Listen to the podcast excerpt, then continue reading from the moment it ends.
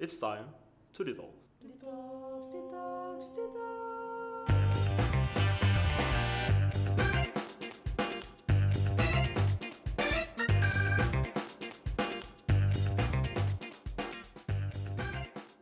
lo anjir ini kenapa ya?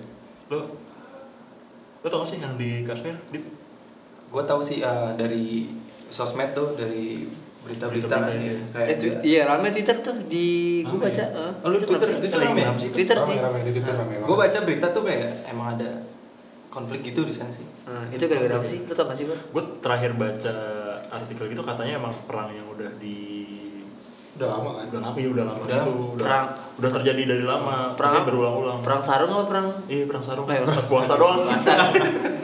Terus, terus, terus, terus, pokoknya itu tentang perebutan Kashmir itu. Jadi Kashmir itu Oke. tempat yang Wilayah. di eh, ya, wilayah di India yang bagus banget emang. Dia semuanya ada. yang gue tahu sih itu dia utara India. Iya dia dia di utara India. Ah. dia masih bagian dari India. sama Pakistan. Ah konfliknya sama Pakistan. Karena Pakistan merasa eh, Kashmir ini masih di daerah Pakistan gitu. Dia pengen saling mengakui bla bla bla gitu. Setahu gue tapi anjing perang serem banget ya Terus si itu si Akil kan lagi di India. coy. oh iya. Tapi dia udah pulang kan? dia udah pulang sih. Tapi jadi ke sini gak sih? Ke katanya mau nggak tahu Dim tadi lu ngontak ngontak lo kan? Dia bilang OTW oh dia, dia mau sini gue gue gue janjian gue gue suruh ke sini gue pengen ngobrol gitu. Ah, Buat cerita dia, cerita tentang Kashmir kali Akil ya. mungkin sih eh nah ini dia nih orang ini Woi, Wih, anjir, Akil. Wih, gila. Ah, gimana? gila gila sehat lo udah lama Apaan lo? gokil Ngomongin gua lo. Wah, ini ngomongin gue. Muka lo di Ngomongin gua enggak usah jelek-jelek. Eh, Enggak enggak. jelek soalnya. lu berdua lu berdua iteman aja Enggak, enggak malah Alan enggak hitam. Dia nggak hitam, dia, dia sebenarnya nggak hitam, cuman kurang nur aja nih. Enggak sebenarnya enggak hitam abu-abu monyet tuh. enggak sebenarnya kalian masih putih Putih tua. Putih putih dongker Jongger. Nanti dong Kurang wudu nih gua kurang wudu. Sponsornya habis. Ini uh, kayaknya luminesnya agak gelap. Luminens. aduh lu dari mana? Gimana gimana kabar kabar? Dari rumah lah. Dari rumah lo Iya. oh iya lu dari mana Sama kan gua di motor. oh lu satu rumah sama Gil Langsung Satu motor. kalian semua sudah bangun rumah tangga. oh iya iya paham paham nggak apa-apa lagi lagi zaman kok Iya, tren. yang satu rumah satu rumah gitu gimana kemarin wah ini ini kebetulan banget lo datang kita lagi ngomongin cuy Iya, gue tadi baca seliweran berita di dan lagi Twitter gitu ngomongin kalian. Hmm Ngomongin ngomongin kita. Ngomongin gue apa? kayak pengen tahu gitu lo lo kemarin wah itu Ya, gimana banget sih, gimana itu sih epic ceritanya? banget Ya sih, itu- itu rame banget. cuy seramai itu di Instagram gue nggak tahu di Twitter gue nggak tahu di Twitter Di Tapi Twitter sempet di sih. Instagram di di teman-teman kita lah gitu itu ramai banget gitu sampai gue kayak ah ini apa apa jangan-jangan emang beneran kejadian yang enggak enggak ya sama Akil atau emang bener sama kayak Palestina wah ngeri sih Sampai malah selain itu malah dingira gue gimmick anjir. oh iya gue gue sempat kira gimmick karena gue sering bikin gimmick Kan gue gimmick banget orangnya.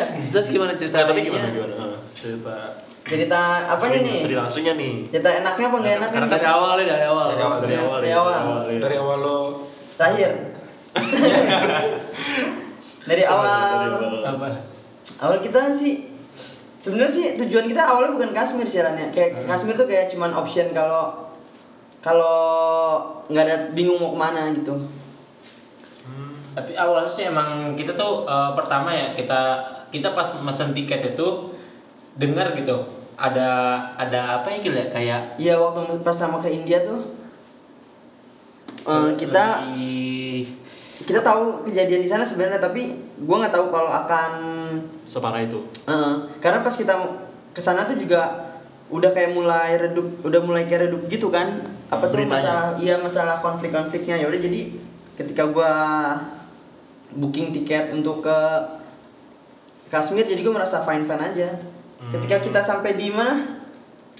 Agra itu kita kayak langsung mikirin nyari tiket ke sana gimana? Kata orang-orang sana sih orang-orang di Agranya juga oke-oke aja kok buat dikunjungin ya kan ya si Kashmirnya? Iya di Kashmir katanya oke-oke aja nggak nggak nggak terlalu mikirin akan ada lo bahaya atau gimana nya masih pikirin katanya aman-amannya kalau buat turis datang gitu. oh berarti tapi emang dari awal lo beli tiket lo udah tahu akan ada maksudnya di sana emang lagi Iya, ada iya, heeh. kejadian gitu karena kan konfliknya juga udah dari sebulan sebelumnya pas gue nyampe sana Ah, juga. jadi udah kayak udah sepi gitu ya, ya, udah redup lah. Udah nggak terlalu panas banget. Sampai beberapa hari yang kita mau terbang ke India itu Hmm. nah Akil ngabarin ngabarin gua katanya di di berita Nah, iya. detik itu. Baru dapet baru kabar baru. Kabar pas baru deh. kita mau berangkat kondisinya tuh di sana nge-up lagi panas lagi. Nah itu yang dan sialnya kita udah booking tiket PP lagi. 8 hari. Gitu. kita udah lo tanyakan gue hamin berapa jam tuh gue di di hotel tuh kayak aduh anjir berangkat nggak ya? Tapi sayang tiketnya. Tapi Sayang- sayang duit pada sayang nyawa ya? Tapi gimana? Tapi ya dapat momen ini anak ketembak gitu ya. Aja. tapi gue nggak kuat di Agra panas banget. Tapi akhirnya lo memutuskan untuk berangkat? Akhirnya ya gue mutusin untuk Untuk berangkat. berangkat itu ke New Delhi dulu berarti Ya, ki- kita Oh, lo di sempat, dulu. sempat jalan-jalan ke India dulu kan? Sempat, eh, India, maksudnya sempat Mahal, ya, Mahal. ya, sempat kita Mahal. Ya itu sih asal mula kita. Tadi kita mau ke Manali gitu kan ya? iya Ke Ladakh kenapa? sama Manali gitu. Manali kayak adalah spot yang eh, ke lebih ke nature-nya Hmm. ketimbang di daerah tengah gitu. Tapi kalau kata orang sono sih kita kenalan kayak tour guide gitu yang nge-guide kita, tapi akhirnya jadi teman sharing. Katanya sih kalau dari Manali Manali itu agak susah mau ke spot-spotnya harus pakai nyewa Oh, mobil, mobil, lagi taksi. Heeh, apa-apa. Jadi gua pas tahu Kashmir sampai Kashmir cuman itu naik mobil bentar itu udah banyak spot-spotnya. Jadi gue lebih milih Kashmir walaupun agak jauh. dan juga karena Kashmir kondisinya lagi low season kayaknya sih terus tiket lebih murah ketimbang ke yang lain-lain that's why Sangat Sesuai ya, ya kan ya Akhirnya lo memutuskan untuk ke Kashmir itu karena murah ya. Ya, kita kita berdua aja tuh em, PP. PP satu orang sejutaan seratus ya Pepe. PP, Dari India, dari New Delhi. Eh, dan Kashmir. itu mesennya ha- saat itu juga. Kali itu juga. Gimana gue mesen sebulan sebelumnya kan lebih murah lagi. Bisa dikasih duit malah kan lo ya. iya malah malah cashback cashback. Malah, Oh, ke sana nggak? Saya kasih duit. malah cashback kan. Lagi murahnya. Lagi murahnya. Kasih duit. Aduh, aduh. terus terus. Terus akhirnya pas lo, nih akhirnya lo udah dari, dari India nih ya, lo keliling New Delhi, terus gue sempat lihat foto lo yang apa namanya di Di- Taj Mahal, ya, terus gue sempat lihat stories lo di Agra. Itu gue terakhir. gue ngeliat lo stories, sisanya gue nggak tahu kenapa tuh. Lo, itu lo ke mana? itu lo ke mana? ya gue ke Kashmir tetap berangkat ke sana cuman pas sampai landing di Srinagar airport itu bener-bener semuanya diblokir sinyal Oh berarti lo nggak stories semuanya. apa apa karena lo nggak bisa, Iya. nggak ada sinyal sama Eh. sekali gitu. ya. Soalnya temen gua yang di India tuh juga bilang kalau di sana sinyal sinyal sih masih aman-aman aja. Yang gue pikir pas sampai sono gue baru ngabarin keluarga gua kalau gua lagi di sini. Karena gue juga nggak bilang ke keluarga gue salahnya sih. Salahnya gue nggak bilang kalau ha- hari itu gue pengen ke Kashmir. Taunya mereka gue lagi di Agra aja. Agra. Karena feeling gue ketika gue sampai gue baru ngabarin. Eh, karena lo lo berekspektasi di sana Iya, ada sinyal. ada Oke. sinyal lah. Iya, soalnya lo kalian tau gak sih di eh, Instagram ya di, Iya. di eh, pertemanan Instagram kita sih Eh, gitu. di sih, obrolan ya? obrolan kita lah gitu. itu eh, cukup tinggi loh maksudnya nanya Iya, ada yang banget, DM coy. ada sampai kakaknya akhil Ih kakak DM. kakak lo tuh, ya. Nge-DM Gue nggak tahu nih. selebgram Kakak lo. Itu DM gue. Lo tau bisa, gue, lo tau gak gue sedek sedek dekat apa? pertama gini posisinya gue, pertama posisinya lo sempat ngabarin gue kan, bahwa lo udah approve untuk Approve, ke Kashmir, ya, lo video call gue ngasih lihat bukti Ya, lo approve ah. itu. Kedua lo nggak ada kabar, ya kan? Terus Ketiga, kakak lo ngontek gue Which means Lo sama sekali gak ada kabar juga ke kakak lo dong Iya, pasti. Sampai nanya ke gue Itu triple pressure. Triple pressure buat gue Dan semua orang tuh nyariin Sampai Mas Boy Terus orang-orang yang Hmm, pada DM. Orang-orang yang bahkan menurut gue Jarang kontekan sama lo Sampai nyariin lo akhirnya gila ya. Gila lo, lo tuh gila Lo tanggung jawab Lo tau gak? Oh iya pas pas gua waktu pertama kali dapat sinyal itu DM gua nggak bisa dibuka dong kayak ngelak gitu. Asli, sumpah. Notif pas gua buka pikiran negatif gua apa? Anjir, ada yang nge-hack Instagram gua nih. Karena force close gitu pas gua buka DM force close. keluar gitu ya? Gua pikir anjir. Kalau dihack gua gimana caranya nih anjir? Gimana cara posting ya? Terus akhirnya setelah berapa lama Gua gua exitin dulu, akhirnya gua masuk lagi ternyata bisa. Untungnya nah, baru udah gua baca-bacain. lo apa perasaan lo ketika sebanyak yang nyari lo dalam kehilangan sementara lo ini gua eh, masalah banyaknya antusiasnya nyariin gue pertama gue terharu sama gue nggak enak sama mereka semua gitu gue nggak enak pertama mulai dari mereka khawatir berat lah apalagi orang-orang terdekat gue yang khawatir banget sama gue Hmm. dan di sana malah gue biasa-biasa aja itu lebih lebih lebih ngelihatnya anjir mereka mengkhawatirkan terjadi apa ternyata gue di sana fine fine aja. Fine aja. Itu sih yang gue jadi sampai rumah gue langsung ya minta maaf sama keluarga gue udah bikin teman-teman gue itu dah lo harus minta ampun sama langsung kayak ini kali langsung kayak balik-balik muhasabah kali ya balik-balik ngumpul sekelu- ngumpul keluarga Iya. itu kan jadi jadi sebenarnya adalah begini terus eh, lo nggak mungkin dong balik-balik nggak bawa cerita Iya lah pasti. pasti lah itu Nah di mah. di Itu Kashmir kan eh, gue denger denger sih di sana kan dia ke India karena reason emang pengen cari konten kan. Hmm. Terus ketika dia ke Kashmir kan kondisi lagi begitu. Nah itu apakah tuh apa yang terjadi lo dapat konten juga atau gimana tuh? Yo- unik ceritanya tuh gimana tuh? Gue sebenarnya ketika gue sampai Kashmir gue udah nggak mikirin konten tadinya gue malah gue jadi bawa bawa kerjaan juga ke sana. kayak bawa brand Iya kayak bawa brand. Sebenarnya ada dua brand, ada dua brand yang gue kerjain. yang wifi itu sama Yang wifi router ini sama ada satu lagi eh, smartphone tapi briefnya belum nyampe ke gua. Hah? Ya jadi maksudnya dia bilang terakhir kali tuh ya terakhir kali dibilang tuh ntar pas di India mungkin briefnya nyampe ternyata nggak nyampe gue juga bingung mau bikin konten apa jadinya seadanya apa? dan malahan gue cuman foto doang nggak bikin konten video Oke, jadi oke. ya udahlah biasa aja gitu ya. biasa-biasa gue bikin konten buat instastory gue aja sharing-sharing gitu aja terus ketika sampai Kashmir lo melihat kondisi kayak gitu lo apa ya apa yang lo pertama kali terlintas di kepala lo pertama sih pertama kita pas turun tuh langsung dijegat kayak petugas bandara dua orang kita langsung di, itu. Langsung diiring. Kayak mereka tahu banget kalau kita ini orang jauh gitu. Langsung diiring ke tugas apa ke ruangan mi- migrasi gitu ya kan ya? Suruh ngisi data diri suruh ngisi eh, kita harus tahu nih kita stay di mana. Itu lo Kita- udah tau udah nginep di mana? Itu belum tahu Belum sih. tahu. kita juga Kan pertama tuh screenshot. kita. Oh serius Iya kita kita tuh dap nge-screen nge- nge-screenshot apa eh, hotel di sana ya buat buat jaga-jaga kayak buat ngisi ngisi itu. nah iya jadi itu cuma kayak apa ya kayak Formalitas. iya formalitas jadi banget. kita jadi pengen tuh kita pas sampai di sana nyari nyari apa tuh hotel yang murah ya udah murah tapi bisa dinego gitu karena emang press budget karena pas gue tahu kondisi di sana nggak di sinyal gue mikir ATM mati juga kan takutnya kan. Oh iya, ATM apalagi sebelumnya juga. ATM gue keblokir kan tuh di Agra gara-gara gue salah pin itu. Itu PA itu itu mah paling lo emang jarang ngambil duit apa gimana? Apa jarang ada saldo gitu? saking Apa info yang belum cair? wadah jadi gue pakai Genius. Eh, jadi gue kira tuh eh, pin yang di appsnya itu sama sama kartu ternyata beda. Oh, beda, ya. Nah, itu karena gue karena gue jarang narik uang dari kartu gue yang ini jadi jarang gunain ATM dari kartu yang ini. hmm, oke Jadi gue lebih yang ini cuma buat kayak transfer belanja gitu doang. Sisanya pakai kartu yang lain. Itu lah yang bikin gue lupa pin akhirnya gue tiga kali akhirnya keblokir. Terus akhirnya lo di sana pakai duit siapa? ya? Pakai duit minta transfer ke gua sumpah pasti ya terus akhirnya Transfer iya. ke? Oh ke Alan. terus habis itu suruh narik pakai kartunya dia Blokir lagi nggak? enggak untungnya dia untungnya dia untung Untungnya untungnya gue dia inget Untung sering ada saldo ya. gua gua jarang instagram kayak jarang jarang keisi orang Aduh. Terus eh, setelah lo di yang ditarik sama petugas imigrasi itu lo ngisi gitu lo akhirnya tembus tuh nah masuk. terus akhirnya kita kebingungan juga mau naik apa karena pas sampai di luar tuh kayak ribet banget gitu. Oh, chaos ini. Kayak tentara tuh udah kayak apa samping-samping itu semua tentara. Heeh, kayak semua tuh orang yang jalan semua itu Kayak tentara. Kayak s- apa suasana-suasana di Call of Duty gitu nggak? iya bukan, kayak ada kayak yang jalan diblokir gitu. ada yang kayak Jalan apa nih diblokir, papan besi ada orang gitu. di Arab gitu ya.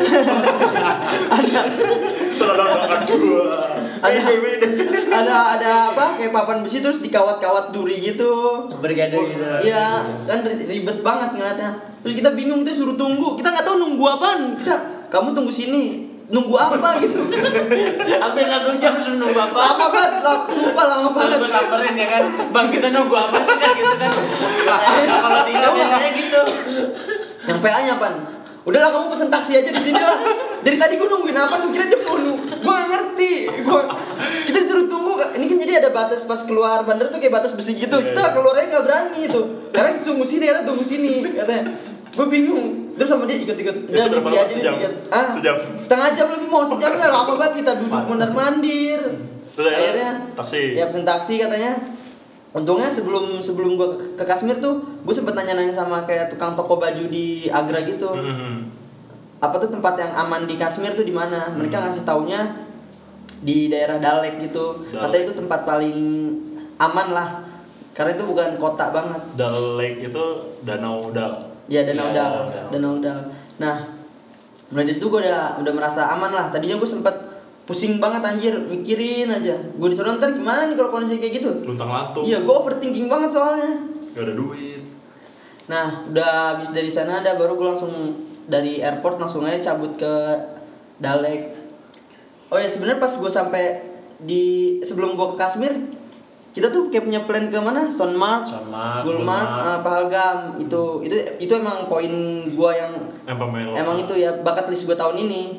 List gue tahun ini emang mau ke sana. Karena nih temen gue pengen banget ngeliat salju soalnya nih, kasihan gue. Oh itu apa sih tempat apa sih?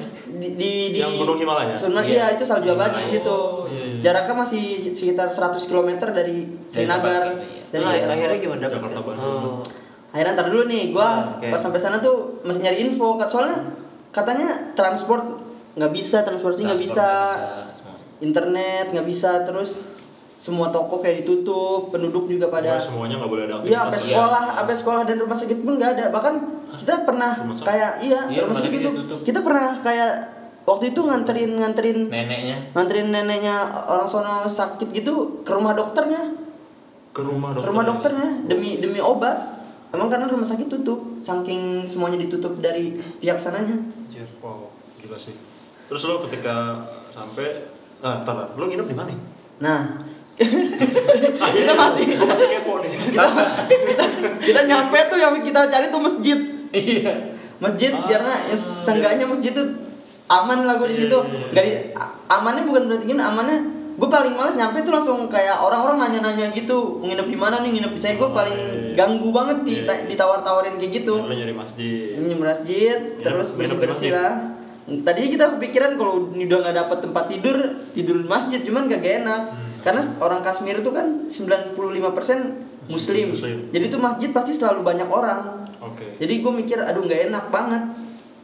Jadi kita abis dari masjid kita masih bingung ya lan ya. Jalan aja ke pinggir dan awal jalan ngeliatin orang mancing ngobrol sama orang mancing. Poinnya sih yang paling hectic banget nih gua ngabisin satu galon. Galon masjid Loh iya dia ngisi air. Kan di bawa botol. Satu galon sama dia diisiin semuanya. Dipindahin ke botol. Wah lo gila lo. duit tilis banget masalahnya. Masalahnya itu udah bener-bener serius. Duit bener-bener kalau dirupiahin duit kita berdua cuma 400 ribu. Bisa lo 400 ribu. iya cuma 400 ribu kalau dirupiahin sekitar segituan. Wah lo. maka dari itu akhirnya karena kita udah lapar banget sore beli apa pakoda gitu kentang Iya, goreng kentang gitu. goreng. Kentang goreng. Eh, ken- habis dari kentang goreng itu lanjut lagi jalan tuh kayak udah jauh gitu dah pokoknya. Ketemu sama siapa kan kayak dua orang ustadz gitu lah ya. Iya habib habib lah gitu. Ya modelnya kayak gitu orang-orang imam imam masjid di situ lah biasanya. Terus mereka negor gue pakai salam assalamualaikum. Kita refleks dong Iya, berdua. waalaikumsalam. waalaikumsalam gitu. Berarti mereka tahu kita muslim. nah mulai dari situ langsung gue kayak dirangkul gitu diajakin ke tem- tempat yang tadi gue beli itu Pakoda. kentang lagi ya pakoda. Mulai situ ngobrol nanya kita mau ke mana tujuannya apa terus nginep di mana. Pertama sih yang mereka pikirin kita tuh nginep di mana. Terus Hmm. kita bilang kita nggak tahu mau nginep di mana ya lan. Iya. Nah, itu udah pusing banget. Udah Dan- pusing banget. dan itu tuh tau gak yang di screenshot di screenshot akil itu hotelnya harganya mahal banget per harinya Iya. terus, terus ditunjukin harganya gitu Heeh. kan kita kan yang hotel yang kata awalnya gue di Miris iya, terus iya, itu, itu di mahal banget itu per malamnya. Bisa satu juta setengah katanya. Iya tiga setengah berdua. Duit lo aja 400 ribu. iya. Akhirnya kita mikir akhirnya dia baik ya. Ada yang punya houseboat itu ngena- ngenalin ke kita. Tadinya awalnya tuh kayak cuman 600 600 rupiah tuh berdua ya. Terus akhirnya kita nego 600 rupiah tuh sekitar kayak berapa sih? 120-an ya Lan ya 120 iya 120-an akhirnya gue sosok memelas gitu dengan tas gede di belakang kita dengan muka kumel asli itu lu kalau ngeliat instastory gue nggak ada nggak ada muka gue di situ karena gue udah udah udah nggak layak banget masuk instastory muka gue sumpah. Akhirnya mereka diskusin sama yang punya houseboat. Kayaknya kasihan nih. Houseboat tuh kayak penginapan nah iya penginapan kapal gitu. Oh, penginapan terapung gitu ya. terapung ya terus kayaknya mereka ngomong bahasa Kashmir gini kasihan nih kasihan nih kasihan kayak gue dikasihan kasihanin gitu kayaknya dah pengemis gitu ya. kasihan nih mereka gelandangan di sini akhirnya dapatlah kita sekitar 300 rupiah semalam berdua 300 rupiah semalam berdua kalau dirupiahin sekitar 60 ribuan 60 ribuan. Semalam. dong, semalam. Main banget. Berapa hari?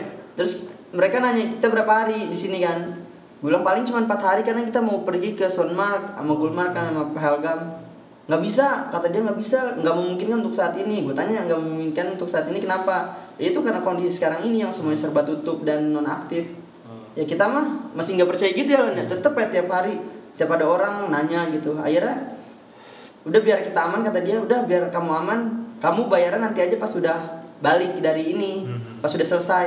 Misal Oh, kamu selesainya lima hari Ya udah bayar dia bayar lima hari. jadi buat jaga-jaga udah nulis aja di buku tamu.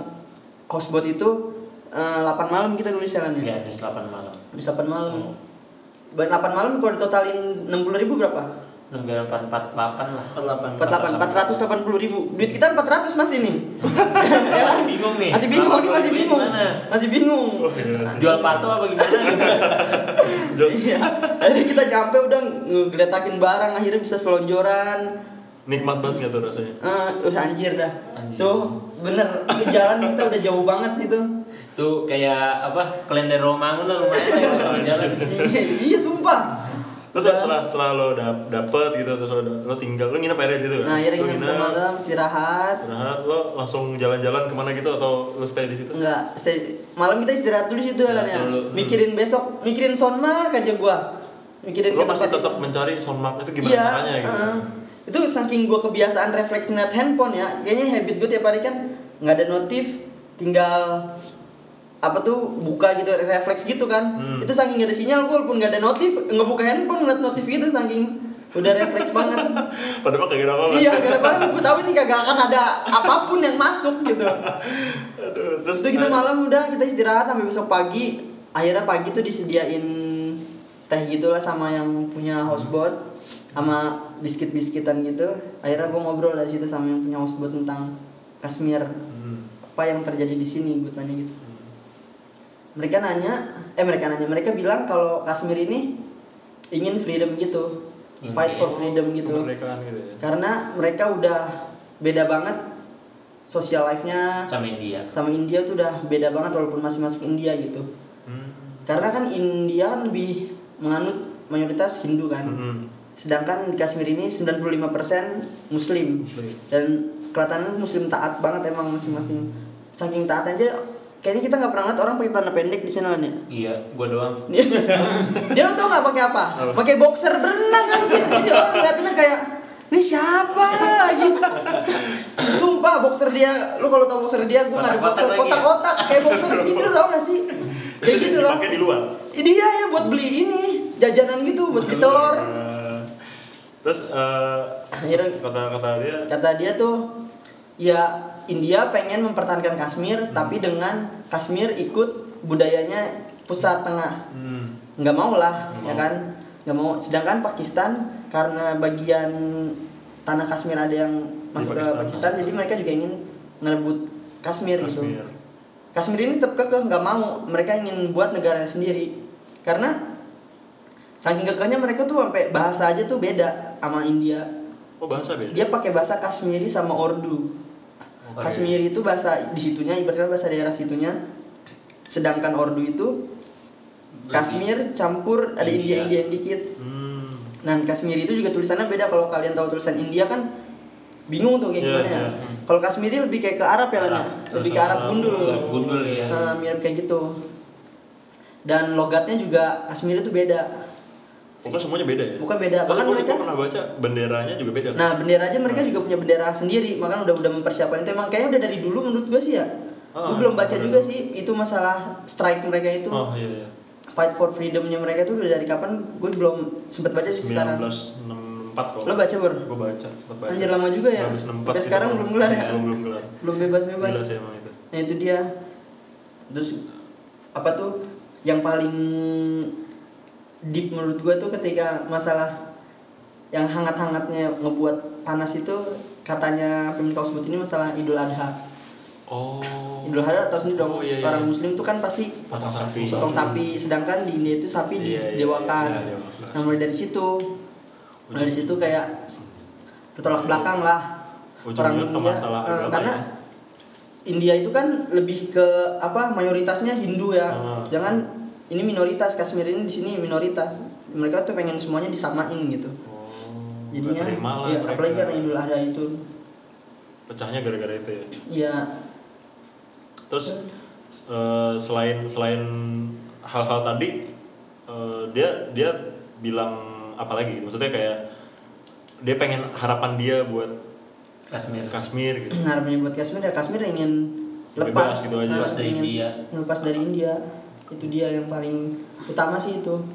Karena pilih kasih banget kelihatan banget pemerintah pemerintahnya pilih kasih temen kayak gitu.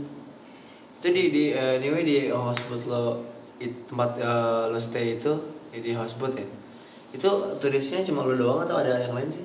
Kayak kita doang yang kita nggak ngeliat nggak ngeliat orang mau gue bingung masalahnya gini misalnya nih turis ada turis orang India. Lah itu or, apa itu itu masih wilayah India masih bisa dibilang turis nggak? Gimana? Gimana ya? Kata gimana Masih warlock, warlock. masih masuk orang tapi kan Oh, tapi dibilang ibaratnya turis. ibaratnya kayak orang Jakarta ke Bali lah gitu. Oh, iya, Jakarta iya. ke Bali. Tapi turis internasional kayaknya kita doang ya Lan, ya? Iya sih. Tapi kita pernah nanya gini ya nanya apa? Ada nggak sih orang Indonesia di sini sama yang punya houseboat katanya ada di dekat belakang rumah kita cewek gitu. Mereka rame-rame tapi kita nggak pernah ngeliat nggak pernah nggak pernah mereka nggak tahu keluar apa enggak. Nggak pernah ngeliat katanya ada, ada lumayan banyak segerombolan rame-rame. Ah, entah Malaysia entah Indonesia pokoknya mukanya muka Melayu banget. Eh, kata muka mereka Indonesia banget lah ya. Iya. Terus ngomong-ngomong yang soundmark tadi lo akhirnya gimana tuh? Nyampe nggak? Nah iya kita gue tetap nanya lagi ke yang punyanya itu ya kan ya? Iya, kekeh harus kekeh tetap gitu. kekeh tetap kekeh. Kita malam-malam ditunjukin tempat-tempatnya tunjukin tempat-tempat yang bagus-bagusnya di mana. Abis itu dibilangin tapi untuk sekarang ini emang lagi nggak bisa. Ya itu tadi alasannya semuanya ditutup gini gini gini. Sama alasannya masih sama kayak gitu-gitu aja. Ya udahlah. Akhirnya kita nyoba biar nggak bosan-bosan amat explore lah ya. Explore explore jalan kaki, Explore jalan kaki. ke atas gunung. Naik ke atas gunung. Itu ke atas gunung tuh diajakin sama yang punya ini Houseboat. anaknya. Oh, anaknya. anak yang punya Anak yang punya houseboat. namanya Oes gitu. Always nah, always itu sih anaknya welcome banget jalannya. Iko Hah? Iko always Iya, ya, jago tinju dong. Sila Lo- lo- kocak lo diajakin diajakin keliling gitu sama dia. Heeh, diajakin keliling. Menurut gua dia sih kayak bosen juga di situ karena kondisinya mereka mereka nggak sekolah teman-temannya juga diajakin jalan-jalan juga Nggak mau karena orang tuanya juga pasti kan ngelarang kan lagi kondisi kayak gitu untuk main jauh-jauh. Akhirnya dia ngajakin kita lah ke atas gunung yang ada apa tempelnya gitu kan ya. Apa ya? kuil.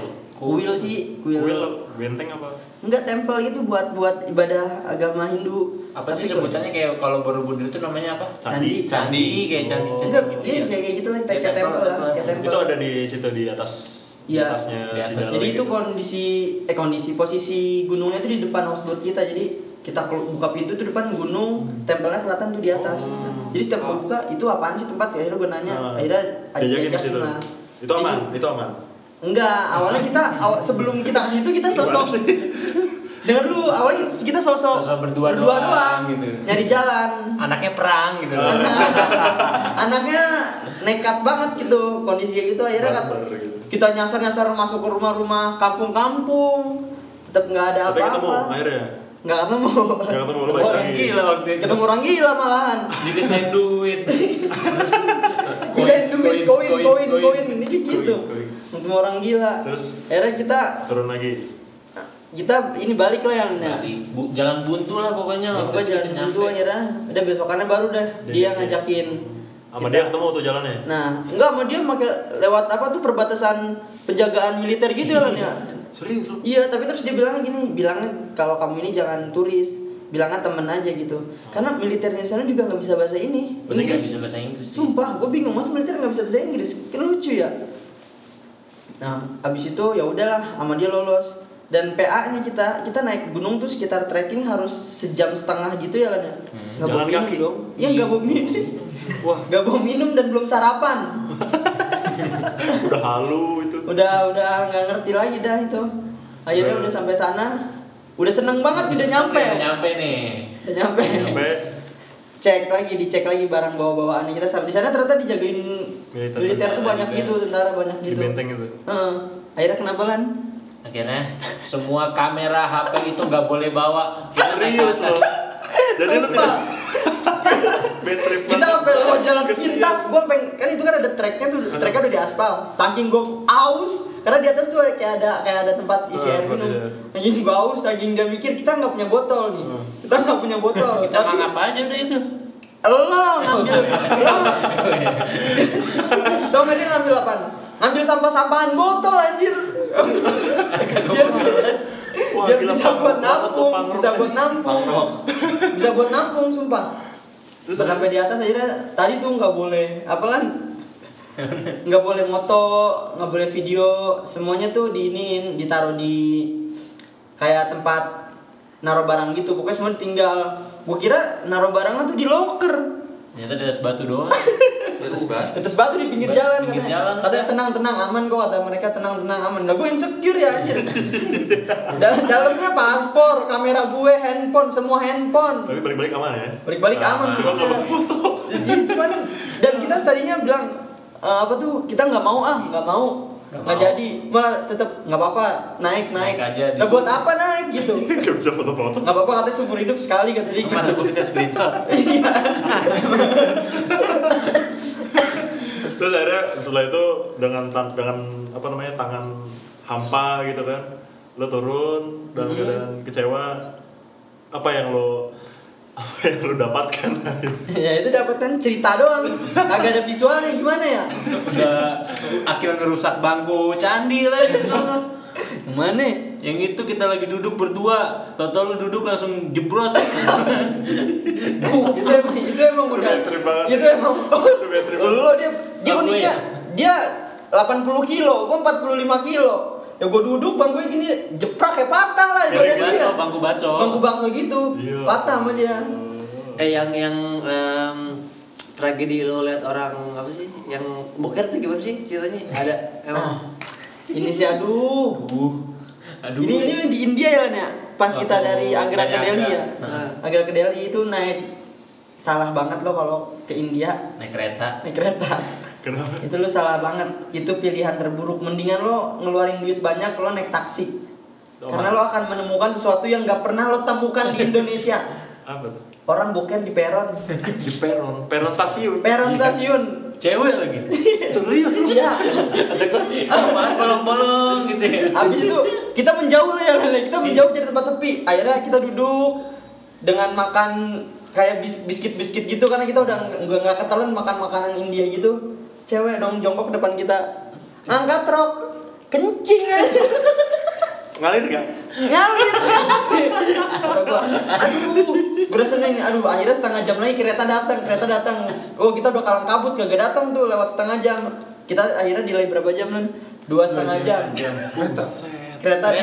dua setengah jam dan lo harus terpaksa untuk nyium aroma itu ya dan kita jadi terpaksa nyium terpaksa nggak tidur karena gue merasa nggak aman gitu Takut dikencingin gitu. Epicnya satu nih. Ada ada satu momen epic. Gue lagi duduk di tangga. Gue lagi duduk di tangga ini tuh tahu kan lu kalau misalnya tanggaan turun gitu ke stasiun, gue dikeplak aja sama sama security-nya. Eh, ayo. Turun lu turun orang gitu. kalau ya. di Indonesia sopan ya Ya, mas mas mas, bang. Gue langsung dikeplak malah gue kenceng banget petak gitu ya. Anjir.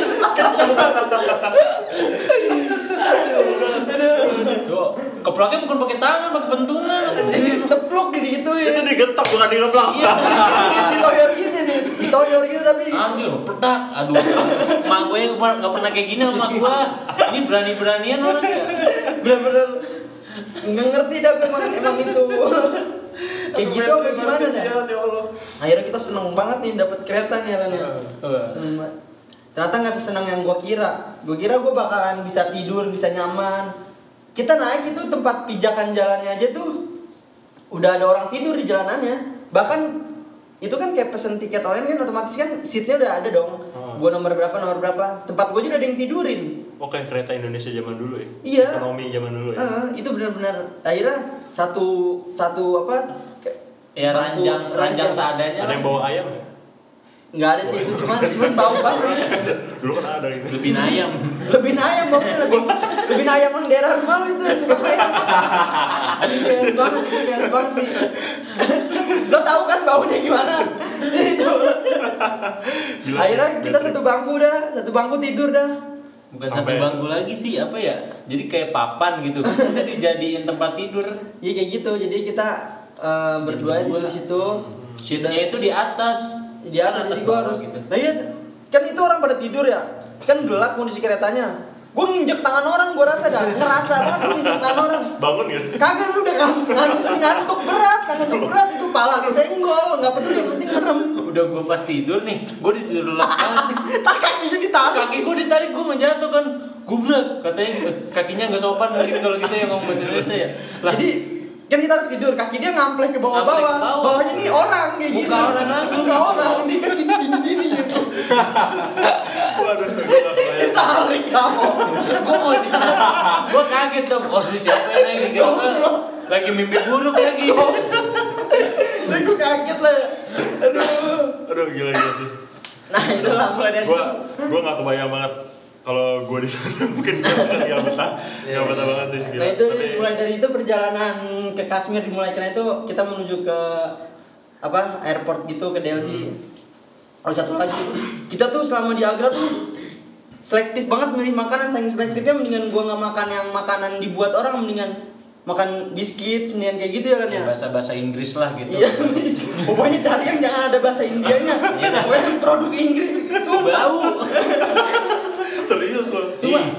entah entah emang mungkin bagi orang sono enak karena mereka kan terbiasa. gitu ya, Eh, pasti. mungkin kitanya nggak cocok mungkin saking kita pengen makan normal sok-sokan pesen KFC lah nggak Oh, apa-apa ya. Gila. Gimana, Lan? KFC nya KFC ini kali. Nasinya, Nasinya. nasi, nasi kebuli. Wah, itu nasi nasi biryani gitu kayak nasi Iya. dengan kebanyakan bumbu gitu. Dia nggak ada nasi yang putih doang, pokoknya selalu nasinya tuh ada bumbu-bumbu itunya. Wah, berat tapi asli sih terbukti banget mental lo, mental mental kuli. anak jauh banget sih. Nah. Gua kalau di situ kejadian hal sama kayak lo, mungkin gua udah tipes tuh. Anjir kita tapi udah tapi apa ya? Jadi di apa ya? Gue pengen ngomongin kayak detoksifikasi. Detoksifikasi itu kayak lebih ke pengeluaran racun-racun yang ada dalam Oh, oke. diri lo gitu. Kayak Sebenarnya gimana sih- gimana gimana cara lo healing untuk menyembuhkan diri lo sendiri eh, dari masalah-masalah yang udah eh, lo hadapin kayak misalnya dalam trip ini gitu kan lo dapat banyak banget hal-hal yang gak enakin tuh ya terus kira-kira dari semua hal yang lo alami di sana bad trip bad tripnya lo di sana lo dapat satu pelajaran yang gitu kan ada yang klik nggak gitu. satu sih malah menurut gue lebih Banyak. dari gue dulu nih ya dari dari apa yang gue dapat nih ya dari semua kejadian itu kan otomatis kita ini kejadian-kejadian ini kan nggak akan ada yang gue tahu ini bakalan kejadian kayak gini mulai dari gue ngerasain kereta delay selama itu kondisi yang chaos kayak gitu Hmm. Itu sih lo jadi pertama lo bisa nahan emosi karena lo mau marah juga bingung. Karena di sana orangnya jujur pertama nggak ngerti ngantri itu nggak ngerti ngantri itu orangnya di sana tuh nggak nggak apa sih bersenggolan aja gitu nggak minta maaf gitu. Jedrek buru-buru gitu buru-buru kayak chaos banget. Kurang kurang ramah menurut gua. Dan Nah. lo gak bisa marah sama sekali ya? Ya mau marah sama siapa Iya, gitu kan? benar-benar. Tapi gue kalau di Agra sama Delhi sih karena gue sebentar mungkin jadi gue nggak terlalu dapat sesuatu yang gimana mana mulai di Kashmir lah. Mulai ketika lo juga karena lo keseharian mungkin dengan gadget di sana lo selama gua selama lo di sana kan juga pasti lo ngerasain gimana sih lo nggak nggak megang gadget tuh rasanya gimana Iya, sih ya kan? Lo bayangin aja. Nah mulai dari situ kita nggak dapat sesuatu yang keluar dari kebiasaan kita itu sih. Kayak ketemu orang kita harus ketemu orang kita harus bagaimana sih caranya nge-treat orang yang mungkin cara berpikirnya beda dengan orang-orang Indonesia cara tingkah lakunya cara berpikir. Entah mereka sama orang baru sama orang luar itu merasa ada jarak atau insecure atau apa. Kalau di sini kan ada turis ya welcome dong. Kan gue nggak tahu di sana tuh gimana entah kita dianggap orang yang asing benar-benar asing atau yang gimana. Iya iya. dan pastinya hal yang gue dapat adalah sol- solving problem. Itu paling paling eh, yang gue rasain. Lo bisa manage waktu lo bisa manage uang lo bisa nahan diri lo untuk nggak marah lo bisa ngehealing apa sih? Gue dapat satu hal yang rasanya ini anjir banget menurut gue Anjir tuh gimana? kayak bener banget gue pernah baca kutipan kebaikan akan dibalas dengan kebaikan. Itu yang paling Oke. yang paling depan mata gue gue nyaksiin segamblang itu loh. Ini loh apa kata Tuhan lo kayak gini bener gitu. Contohnya gini ini gue bukan yang mau pamer tentang kebaikan yang gue lakuin. Misalkan lo di tempat lo tinggal lo melakukan sebuah kebaikan yang ibarat kata ke temen lo lo ngasih pertolongan ngasih entah materi ngasih apa gitu. Terus ketika temen lo nggak ada feedback baik ke lo lo pasti akan merasa kecewa anjir gue udah nolongin lo. Tapi lo nggak ada nolongin balik gue atau gimana gimana gimana. Sedangkan Tuhan bilang tenang kebaikan akan dibalas dengan kebaikan walaupun sekecil apa pun itu. Itu yang gue rasain ketika ketika Di sana lo kena musibah gitu ya? Iya, ketika kena musibah mungkin oh ini loh balasan dari yang dirapel kayak Iya, dirapel iya, gitu. iya. Kayak Dikumpulin dirapel, gitu. dikumpulin. Tuhan akan ngasih ketika lo ketika lo butuh, Hmm. bukan ketika lo mau gitu. Ya kan bener gak sih? Bener, bener. Bisa aja nih tuh Tuhan ngasih lo uang satu triliun sekarang. Lo butuh nggak satu triliun itu? Lo nggak tahu kan lo butuh apa enggak kan? Gue butuh. Lo butuh dan lo siap nggak? Ya, iya, iya. Ya kan menurut gua kan lo nggak akan nggak akan siap dengan uang lebih banyak kan? Jadi Tuhan ngasih gua ke balasan kebaikan di tempat yang bener-bener lagi gua butuhin saat itu. Gua ketemu orang baik yang nolongin gua nyari tempat tinggal, nemu orang baik yang nolongin gu- gua booking tiket, nemu orang baik yang mau ngasih tempat stay murah, ketemu orang baik yang mau ngasih makanan, kan kayak gitu. Satu lagi hal yang paling gue dapetin adalah gue keluar dari zona nyaman walaupun ini kalimat yang berkali-kali gue dengar gue banget ya. gue pernah bikin eh, pernah ngomong dalam hati gini apa sih elak keluar zona nyaman basi banget alay menurut gue gitu. Kayak semua orang ngomong apalagi kan ada lagu ya lagi lagu gue dengarnya kayak apa banget dah. Nah ketika ketika gue ngerasain sebuah hal yang ini banget tapi gue nggak nggak bilang gue keluar zaman cuman gue ngerasain ini tuh gue keluar dari kebiasaan gue banget gitu Oke. kayak misalkan mulai dari lo terbiasa dengan lingkungan situ lo mulai dari makanan lo mulai dari tadinya lo tadinya lo nggak bisa manage waktu lo jadi bisa manage waktu karena kalau lo di rumah lo ya lo misalkan ketinggalan apa ya santai gitu misalkan ya kan lo ketinggalan ini ketinggalan ini ya karena masih di rumah gue gue merasa aman-aman aja dong Iya. ya kan gue kehabisan duit ya santai gue masih bisa minta sama kakak gue temen gue ya Iya. kan? Tapi kalau di luar jauh dari rumah lo dari zona lo lo nggak bisa dengan cara seperti itu. Lo benar-benar harus manage waktu lo lo harus manage uang lo harus tahan diri untuk apa melakukan apa. Sama yang paling penting healing. Healing buat diri gue maksudnya itu ketika gue di Jakarta merasa gue attitude gue agak kurang tapi gue harus baik di tempat yang menurut gue ini beda nih cara ngetrit Orangnya. orangnya gimana. Nah itu lo harus harus lo terbiasa dengan sesuatu yang lebih sopan lebih teratur walaupun di sana orang mungkin kurang teratur tapi kita nggak nggak mungkin kayak gitu dong. Karena itu which is itu tetap tempat mereka. Ibarat kata lo main ke rumah teman lo. Rumah teman lo berantakan. Lo tambahin berantakan walaupun itu berantakan teman lo akan marah tetap Iya. ya kan? Iya. itu menurut gue kayak gitu. Jadi lo yang jelek-jeleknya jadi di dalam diri lo kayak oh udah itu yang nggak baik jangan lo ulang lagi di di Tempat kemudian hari di tempat lain gitu Iya sih. kalau lo menurut lo Alan gimana, Alan?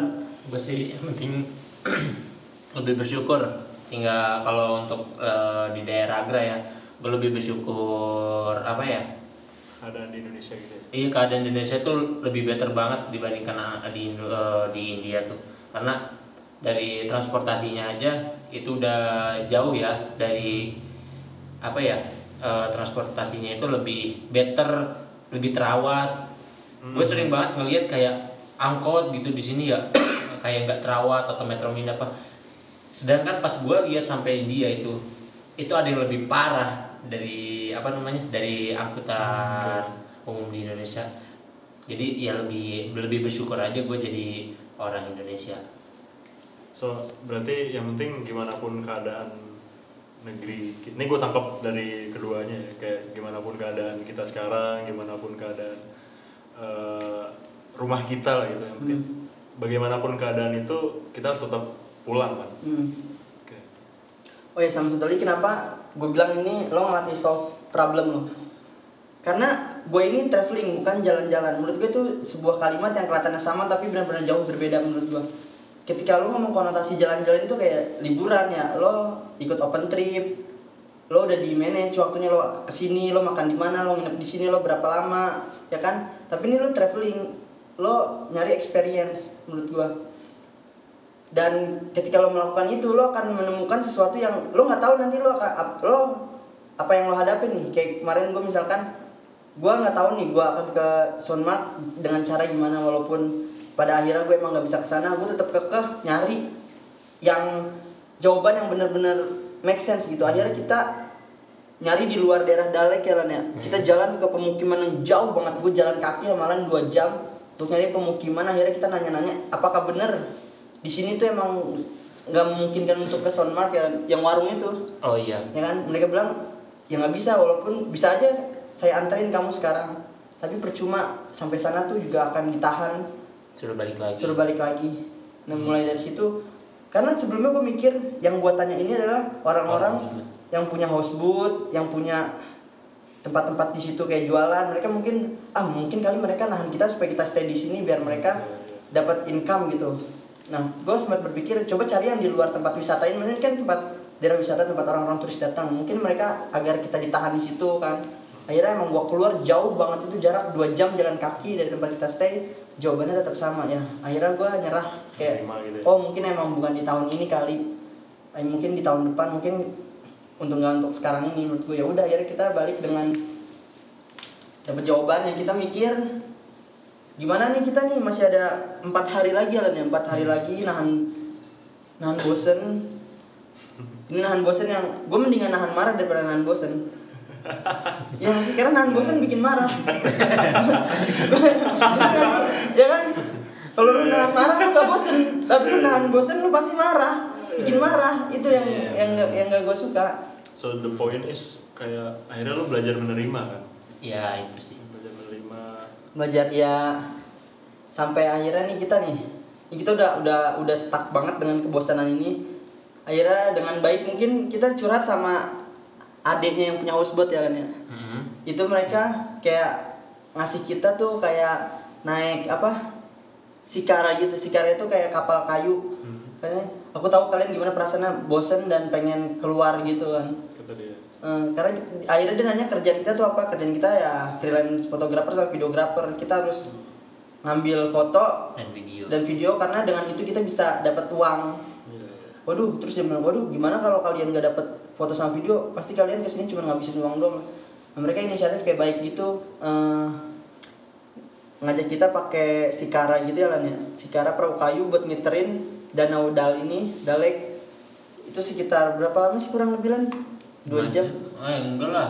Kan the startnya dari itu sekitar eh, sampai maghrib ya? iya lima Jadi- jam lah pokoknya. Iya lima jam lah sekitar 4 jam 5 jam itu keliling danau dayung dan mereka dayungin kita selama 5 jam. wow. Lu doang yang gak dayung deh gua dayung anjir kocak kocak kok jadi berantem yang ngajakin yang ngajakin yang mau dayungin akhirnya yang ngajakin malah tidur dia yang dayung. Akhirnya dia yang dayung. Tapi nggak apa-apa lah dapat Dapat itemnya. kagak dapat Oh, iya. dapat hal yang ngurangin kebosanan kita selama satu hari itu. Dan gue sukanya ketika masuk kayak floating village gitu di mana kampung-kampung ngambang gitu dengan rumah ngambang dengan rumah ngambang Kak. ngapung eh ngapung sama ngambang sama kan Apa tuh? ya ya ya deh dengan Iya rumah deh. kampung iya dan jual-jual ya ya. kayak jual-jual apa lah jual sayuran Sayur. jual Kayak pasar kenapa nih kayak gitu. pasar lah akhirnya gue masuk satu toko yang menurut gue ini emang kayak khas banget nih kayak kain-kainan gitu-gitu tapi sayangnya kita cuma bawa duit dikit karena ya tahu sendiri lah Iya. Akhirnya gue cuma beli apa lah gue beli apa sih? Ba- Beli sarung bantal. sarung bantal. Sarung bantal doang sama ya jaket. Eh ya? jaket pas balik ya Iya. gue beli sarung bantal doang. Ya udah akhirnya balik. Terus yang kerennya itu gue tanya ini rumah kalau misalkan kondisi air lagi naik tuh tenggelam enggak? Katanya itu rumah ngikutin gitu. Ng- iyalah. Iya. bahkan di situ ada ada ini uh, floating farm gitu tau gak sih? Jadi ada kayak taman bukan Oh, iya, kayak iya. kebun Kebun, buat naruh naruh sayur itu walaupun airnya lagi naik tanahnya itu ikut naik ikut ngambang. Itu keren banget ya? menurut gua. Keren Udah banget sih. ya. Mereka udah udah bikin harus konsep ke sana sih. itu udah bikin konsep gitu jadi nggak akan kerendam itu. Gua harus nggak itu nggak akan kerendam Ya, baik kita Menurut ke sana gua- baik.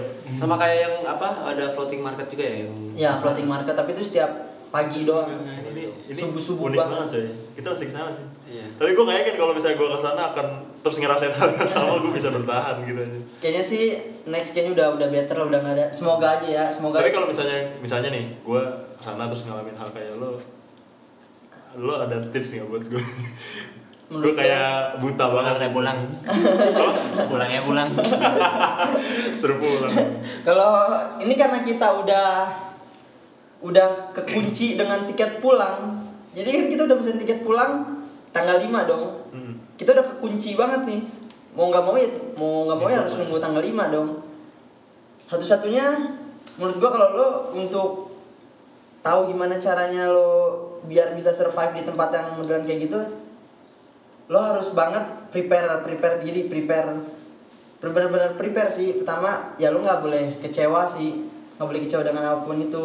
Misalkan lo terima aja gitu lah. terima aja. Dalam artian terima ya udah. Bukan terima harus gimana gimana gitu. Kondisi yang penting jaga diri sopan sopan sih attitude. Attitude Attitude ya. attitude paling utama sih walaupun lo di mana pun walaupun lo lawan bicara lo itu attitude-nya menurut kurang kayak gimana ya tetap lo harus attitude-nya harus bagus gitu. Nah, kita di tempat orang gitu. Hmm. jangan sama seakan-akan lo celingak celinguk orang bingung jangan. Itu bahaya banget. Di sana? Menurut gue di setiap tempat. Bahayanya bahayanya bukan bahaya gimana bahayanya lo bisa kena cheating gitu kayak Iya. dibego-begoin Iya, dibego-begoin. Kayak kita sempat dibego-begoin sama pas mau masuk bandara ya Lan ya Iya, itu. bareng aja bareng aja gitu bareng bareng kita aja masuk ke bandara ternyata gue denger obrolan dia sama security check nggak nih penumpang saya ya kan Hmm, iya, iya. ntar daripada kita apa tahu-tahu sampai bandara suruh bayar Iya, benar. ya gue turun aja sama Alan langsung ngumpet langsung ngumpet ya soalnya Sumpah. pas mau masuk bandara itu kan ini kan eh, Pemeriksaan mobil. pemeriksaan mobil dulu Iya, pernah mobil sama tas orang suruh keluar, mobil diperiksa. Nah, mulai dari situ kita langsung cabut aja daripada ribet dipanggil bayar. suruh bayar gimana gimana. iya sih berarti Itu sih. prepare gitu, gitu ya harus tahu duit ya, eh, lo harus banyak-banyak Riset dulu lah ya. riset sih, riset tentang keadaan, riset tentang lo di sana tuh akan ngeluarin uang berapa gitu. Lo mau ke mana aja, walaupun disebutnya kayak traveling ya, dalam artian lo punya gambaran juga lo mau ke mana ke mananya. Cuman kan yang nggak gitu. eh, yang yang nggak akan lo tahu kan yang nggak akan lo tahu hadapin kan kejadian-kejadian kayak ekstras-ekstras kejadian gitulah. Nah, menurut gua sa- satu lagi yang paling gua dapetin dari ini semua adalah tentang apa artinya pulang menurut gua. Ini ketika di hari-hari terakhir, ini sempat sempat sempat gue merasa kayak anjir, oh ini loh yang namanya pulang gitu. Gue juga di sana udah bukan kayak sama orang-orang situ. Gue udah banyak banget dapat teman di sini, di sana itu. Udah bukan kayak turis lagi mereka bilang kayak mereka setiap malam juga masakin kita mie ya lan ya kita kangen banget sama indomie kita nyari mie walaupun gak ada indomie dapatnya kayak Maggi gitu mereka masakin terus kasih telur ngobrol bareng main karambol. Tiap malam gitu. Tiap malam ya. Karena di sana eh, mainnya cuma karambol doang. Iya. Karena yang itu yang paling mungkin dimainin. Gue ngerasa banget gue mikir di hari-hari terakhir ini orang yang gue tinggalin di Indonesia tuh akan mikir gue apa ya? Sampai Alan mimpi kalau apa ada yang Masa gua kan mimpi, gua buka DM Instagram, isinya innalillahi semua. gua mimpi itu. Iya. Gua langsung pagi-pagi asal dia. Gua langsung kaget kaget. langsung Lan, gitu gitu Astagfirullahaladzim apaan lan gil-gil gue mimpi serem banget mimpi apaan kata dia anjir ada yang DM gue pada innalillahi semua Tapi kayak itu bukan mimpi deh. tapi, tapi pas lu cek pas lu cek ada yang innalillahi beneran nggak Hah? Gak ada untungnya, untungnya gak ada. Cuma gua dong panik. panik lah akhirnya pas sampai di sini ini sih yang yang di hari-hari terakhir gue ngerasa aduh gue berat ninggalin kayak pastilah ada rasa kangen di mana tempat yang lo udah lo singgah dengan banyak cerita dan udah lo taruh cerita di situ pasti lo akan sulit ninggalin mulai dari orang-orangnya kebiasaannya tapi gue juga kangen rumah gitu. Gue butuh butuh sesuatu yang menganggap gue ada gitu. Menganggap eh, nyariin gue entah gue berekspektasi ah ada nggak ya sih yang nyariin gue sih? Gue siapa juga paling keluarga keluarga gue teman-teman gue ya biasa biasa aja gue juga di sana biasa biasa aja. Pas sampai di Delhi akhirnya kita balik gue buka notif. Itu banyak bukan banyak lagi banyak banget. Mulai dari keluarga gue yang pertama pastinya yang gue kabarin adalah keluarga gue kalau gue aman. Gue nggak pengen buat mereka kayak gimana gue bilang "Eh, kemarin nggak ada sinyal gini-gini. Eh, apa tuh namanya gue juga di sana nggak bisa ngabarin maaf kalau nggak bisa ngabarin gini-gini. Semua orang panik. Bahkan teman-teman gue sampai ada yang lapor ke kedubes buat nyari gue gitu-gitu. Anjir seantusias itu loh. Mereka semua banyak yang nyariin gue sampai viral di Instagram sama YouTube eh YouTube. Di, di Twitter. Sampai WhatsApp gue isinya juga orang-orang yang nggak pernah Ngechat ya. ngechat. Gue bahkan nggak pernah kayak nggak intens main sama gue cuman sekedar ketemu sekali dua kali. Tapi juga ikut nyariin gue gue mulai di situ ngerasa gue harus pulang. Gue harus pulang. Harus ketemu mereka gue minta maaf sama mereka. Udah bikin khawatir berlebihan kayak gini. Sampai gue mikir sejenak pulang itu bukan ke rumah pulang itu ke tempat di mana ada yang nyariin lo Wow. ada yang nungguin lo sampai akhirnya gue pikir gue pulang cara gue pulang adalah ya gue harus keluar rumah agar gue bisa pulang Oh, dope shit man. menurut gue sih itu merinding gua. Ah. gila sih, gila gila gila. Wah, gua gua gak tau harus ngomong apa sih. Ini obrolan panjang banget dan gua kayak gua masih gak kebayang gitu. Kalau gua di sana apakah akan sama ceritanya sama lo? Apakah oh ya ada satu hal lagi yang agak ngeri sih diceritain. Dari gue sengaja nge-share nge-share yang menurut gue layak gue share di Instagram gue mungkin di sini gue cerita nggak apa-apa. Jadi setiap pagi yang punya houseboat gue selalu ngabarin gue dengan koran yang dia baca katanya kemarin setiap hari minimal ada satu atau dua orang yang mati ditembak. Bisa gue tanya gue tanya kenapa? Ya itu warga Kashmir yang protes dengan keenggaadilan ini. Katanya mereka ingin buat Kashmir tuh di mata media tuh lagi chaos banget. Padahal nggak harus yang padahal yang buat chaos mereka sendiri. Itu. Jadi kayak lagi mengurangi kayak gimana sih? Kayak buat Kashmir mengurangi pendapatan dari dari turis jadi terus Kashmir ngerengek-rengek minta bantuan India otomatis kan lama-lama kan India akan bisa menguasain Kashmir gitu. Menurut mereka kayak gitu. Terus gue tanya kok bisa ditembak? Kayak gitu protesnya kenapa ya? Protes protesnya mereka langsung datangin ke militernya protes masalah ini ini ini. Dan kebanyakan yang ngelakuin protes itu adalah anak muda. Bahkan eh, militer militer militer militer India pun suka nyu, suka nyulik. Bukan nyulik sih kayak kalau orang yang berkeliaran jam 9 malam mereka akan ngambil dan dibawa ke Agra dan taruh di penjara. Gua ngerti kenapa mereka naruh naruh itu semua. Naruh anak-anak itu semua di penjara. Buat apa gitu? Ya, menurut gue sih itu yang yang ya ya, ya nangkep gua wah gila serem banget sih. Dapat dapat something lah ya dari something. Gila. Keren ya udah lah. Tapi kalian kalian kapok gak? Jay. ya lo kapok gak lo kapok Apa lagi? Kapok apanya? Dia buat Untuk untuk experience ini. explore lagi. enggak lah enggak justru malah malah malah gue mungkin ada cerita lain lagi nih di negara lain entah ke daerah-daerah konflik gitu Iya. Oke, Gaza coy. Aduh, sulit. nggak diizinin sih kalau diizinin gue mau mau aja sih Tiga negara yang lo pengen kunjungin selain ini apa? tiga negara yang pengen gue kunjungin adalah Iceland Iceland Brazil Brazil. Iceland Brazil sama negara-negara di Afrika mungkin Oke, lo lah? Cina, Pasar baru, eh Apa? Cina, Hong Kong, sama Thailand. Cina, Hong Kong, Thailand. Gua Udah. Deket-deket dulu aja lah ya. Iya. Aduh, jadi gue sampai haus nih kita ngopi dulu kali ya. Tapi Udah. ya, Udah. Ya, ngopi dah. ya. Thank you Gil ya, ngobrol-ngobrolnya lan. Yuk. Lo mau ngopi gak? kopi lah. Lah. Udah, apa-apa. pesenin nih. ya Ya. oke. Thank you, thank you.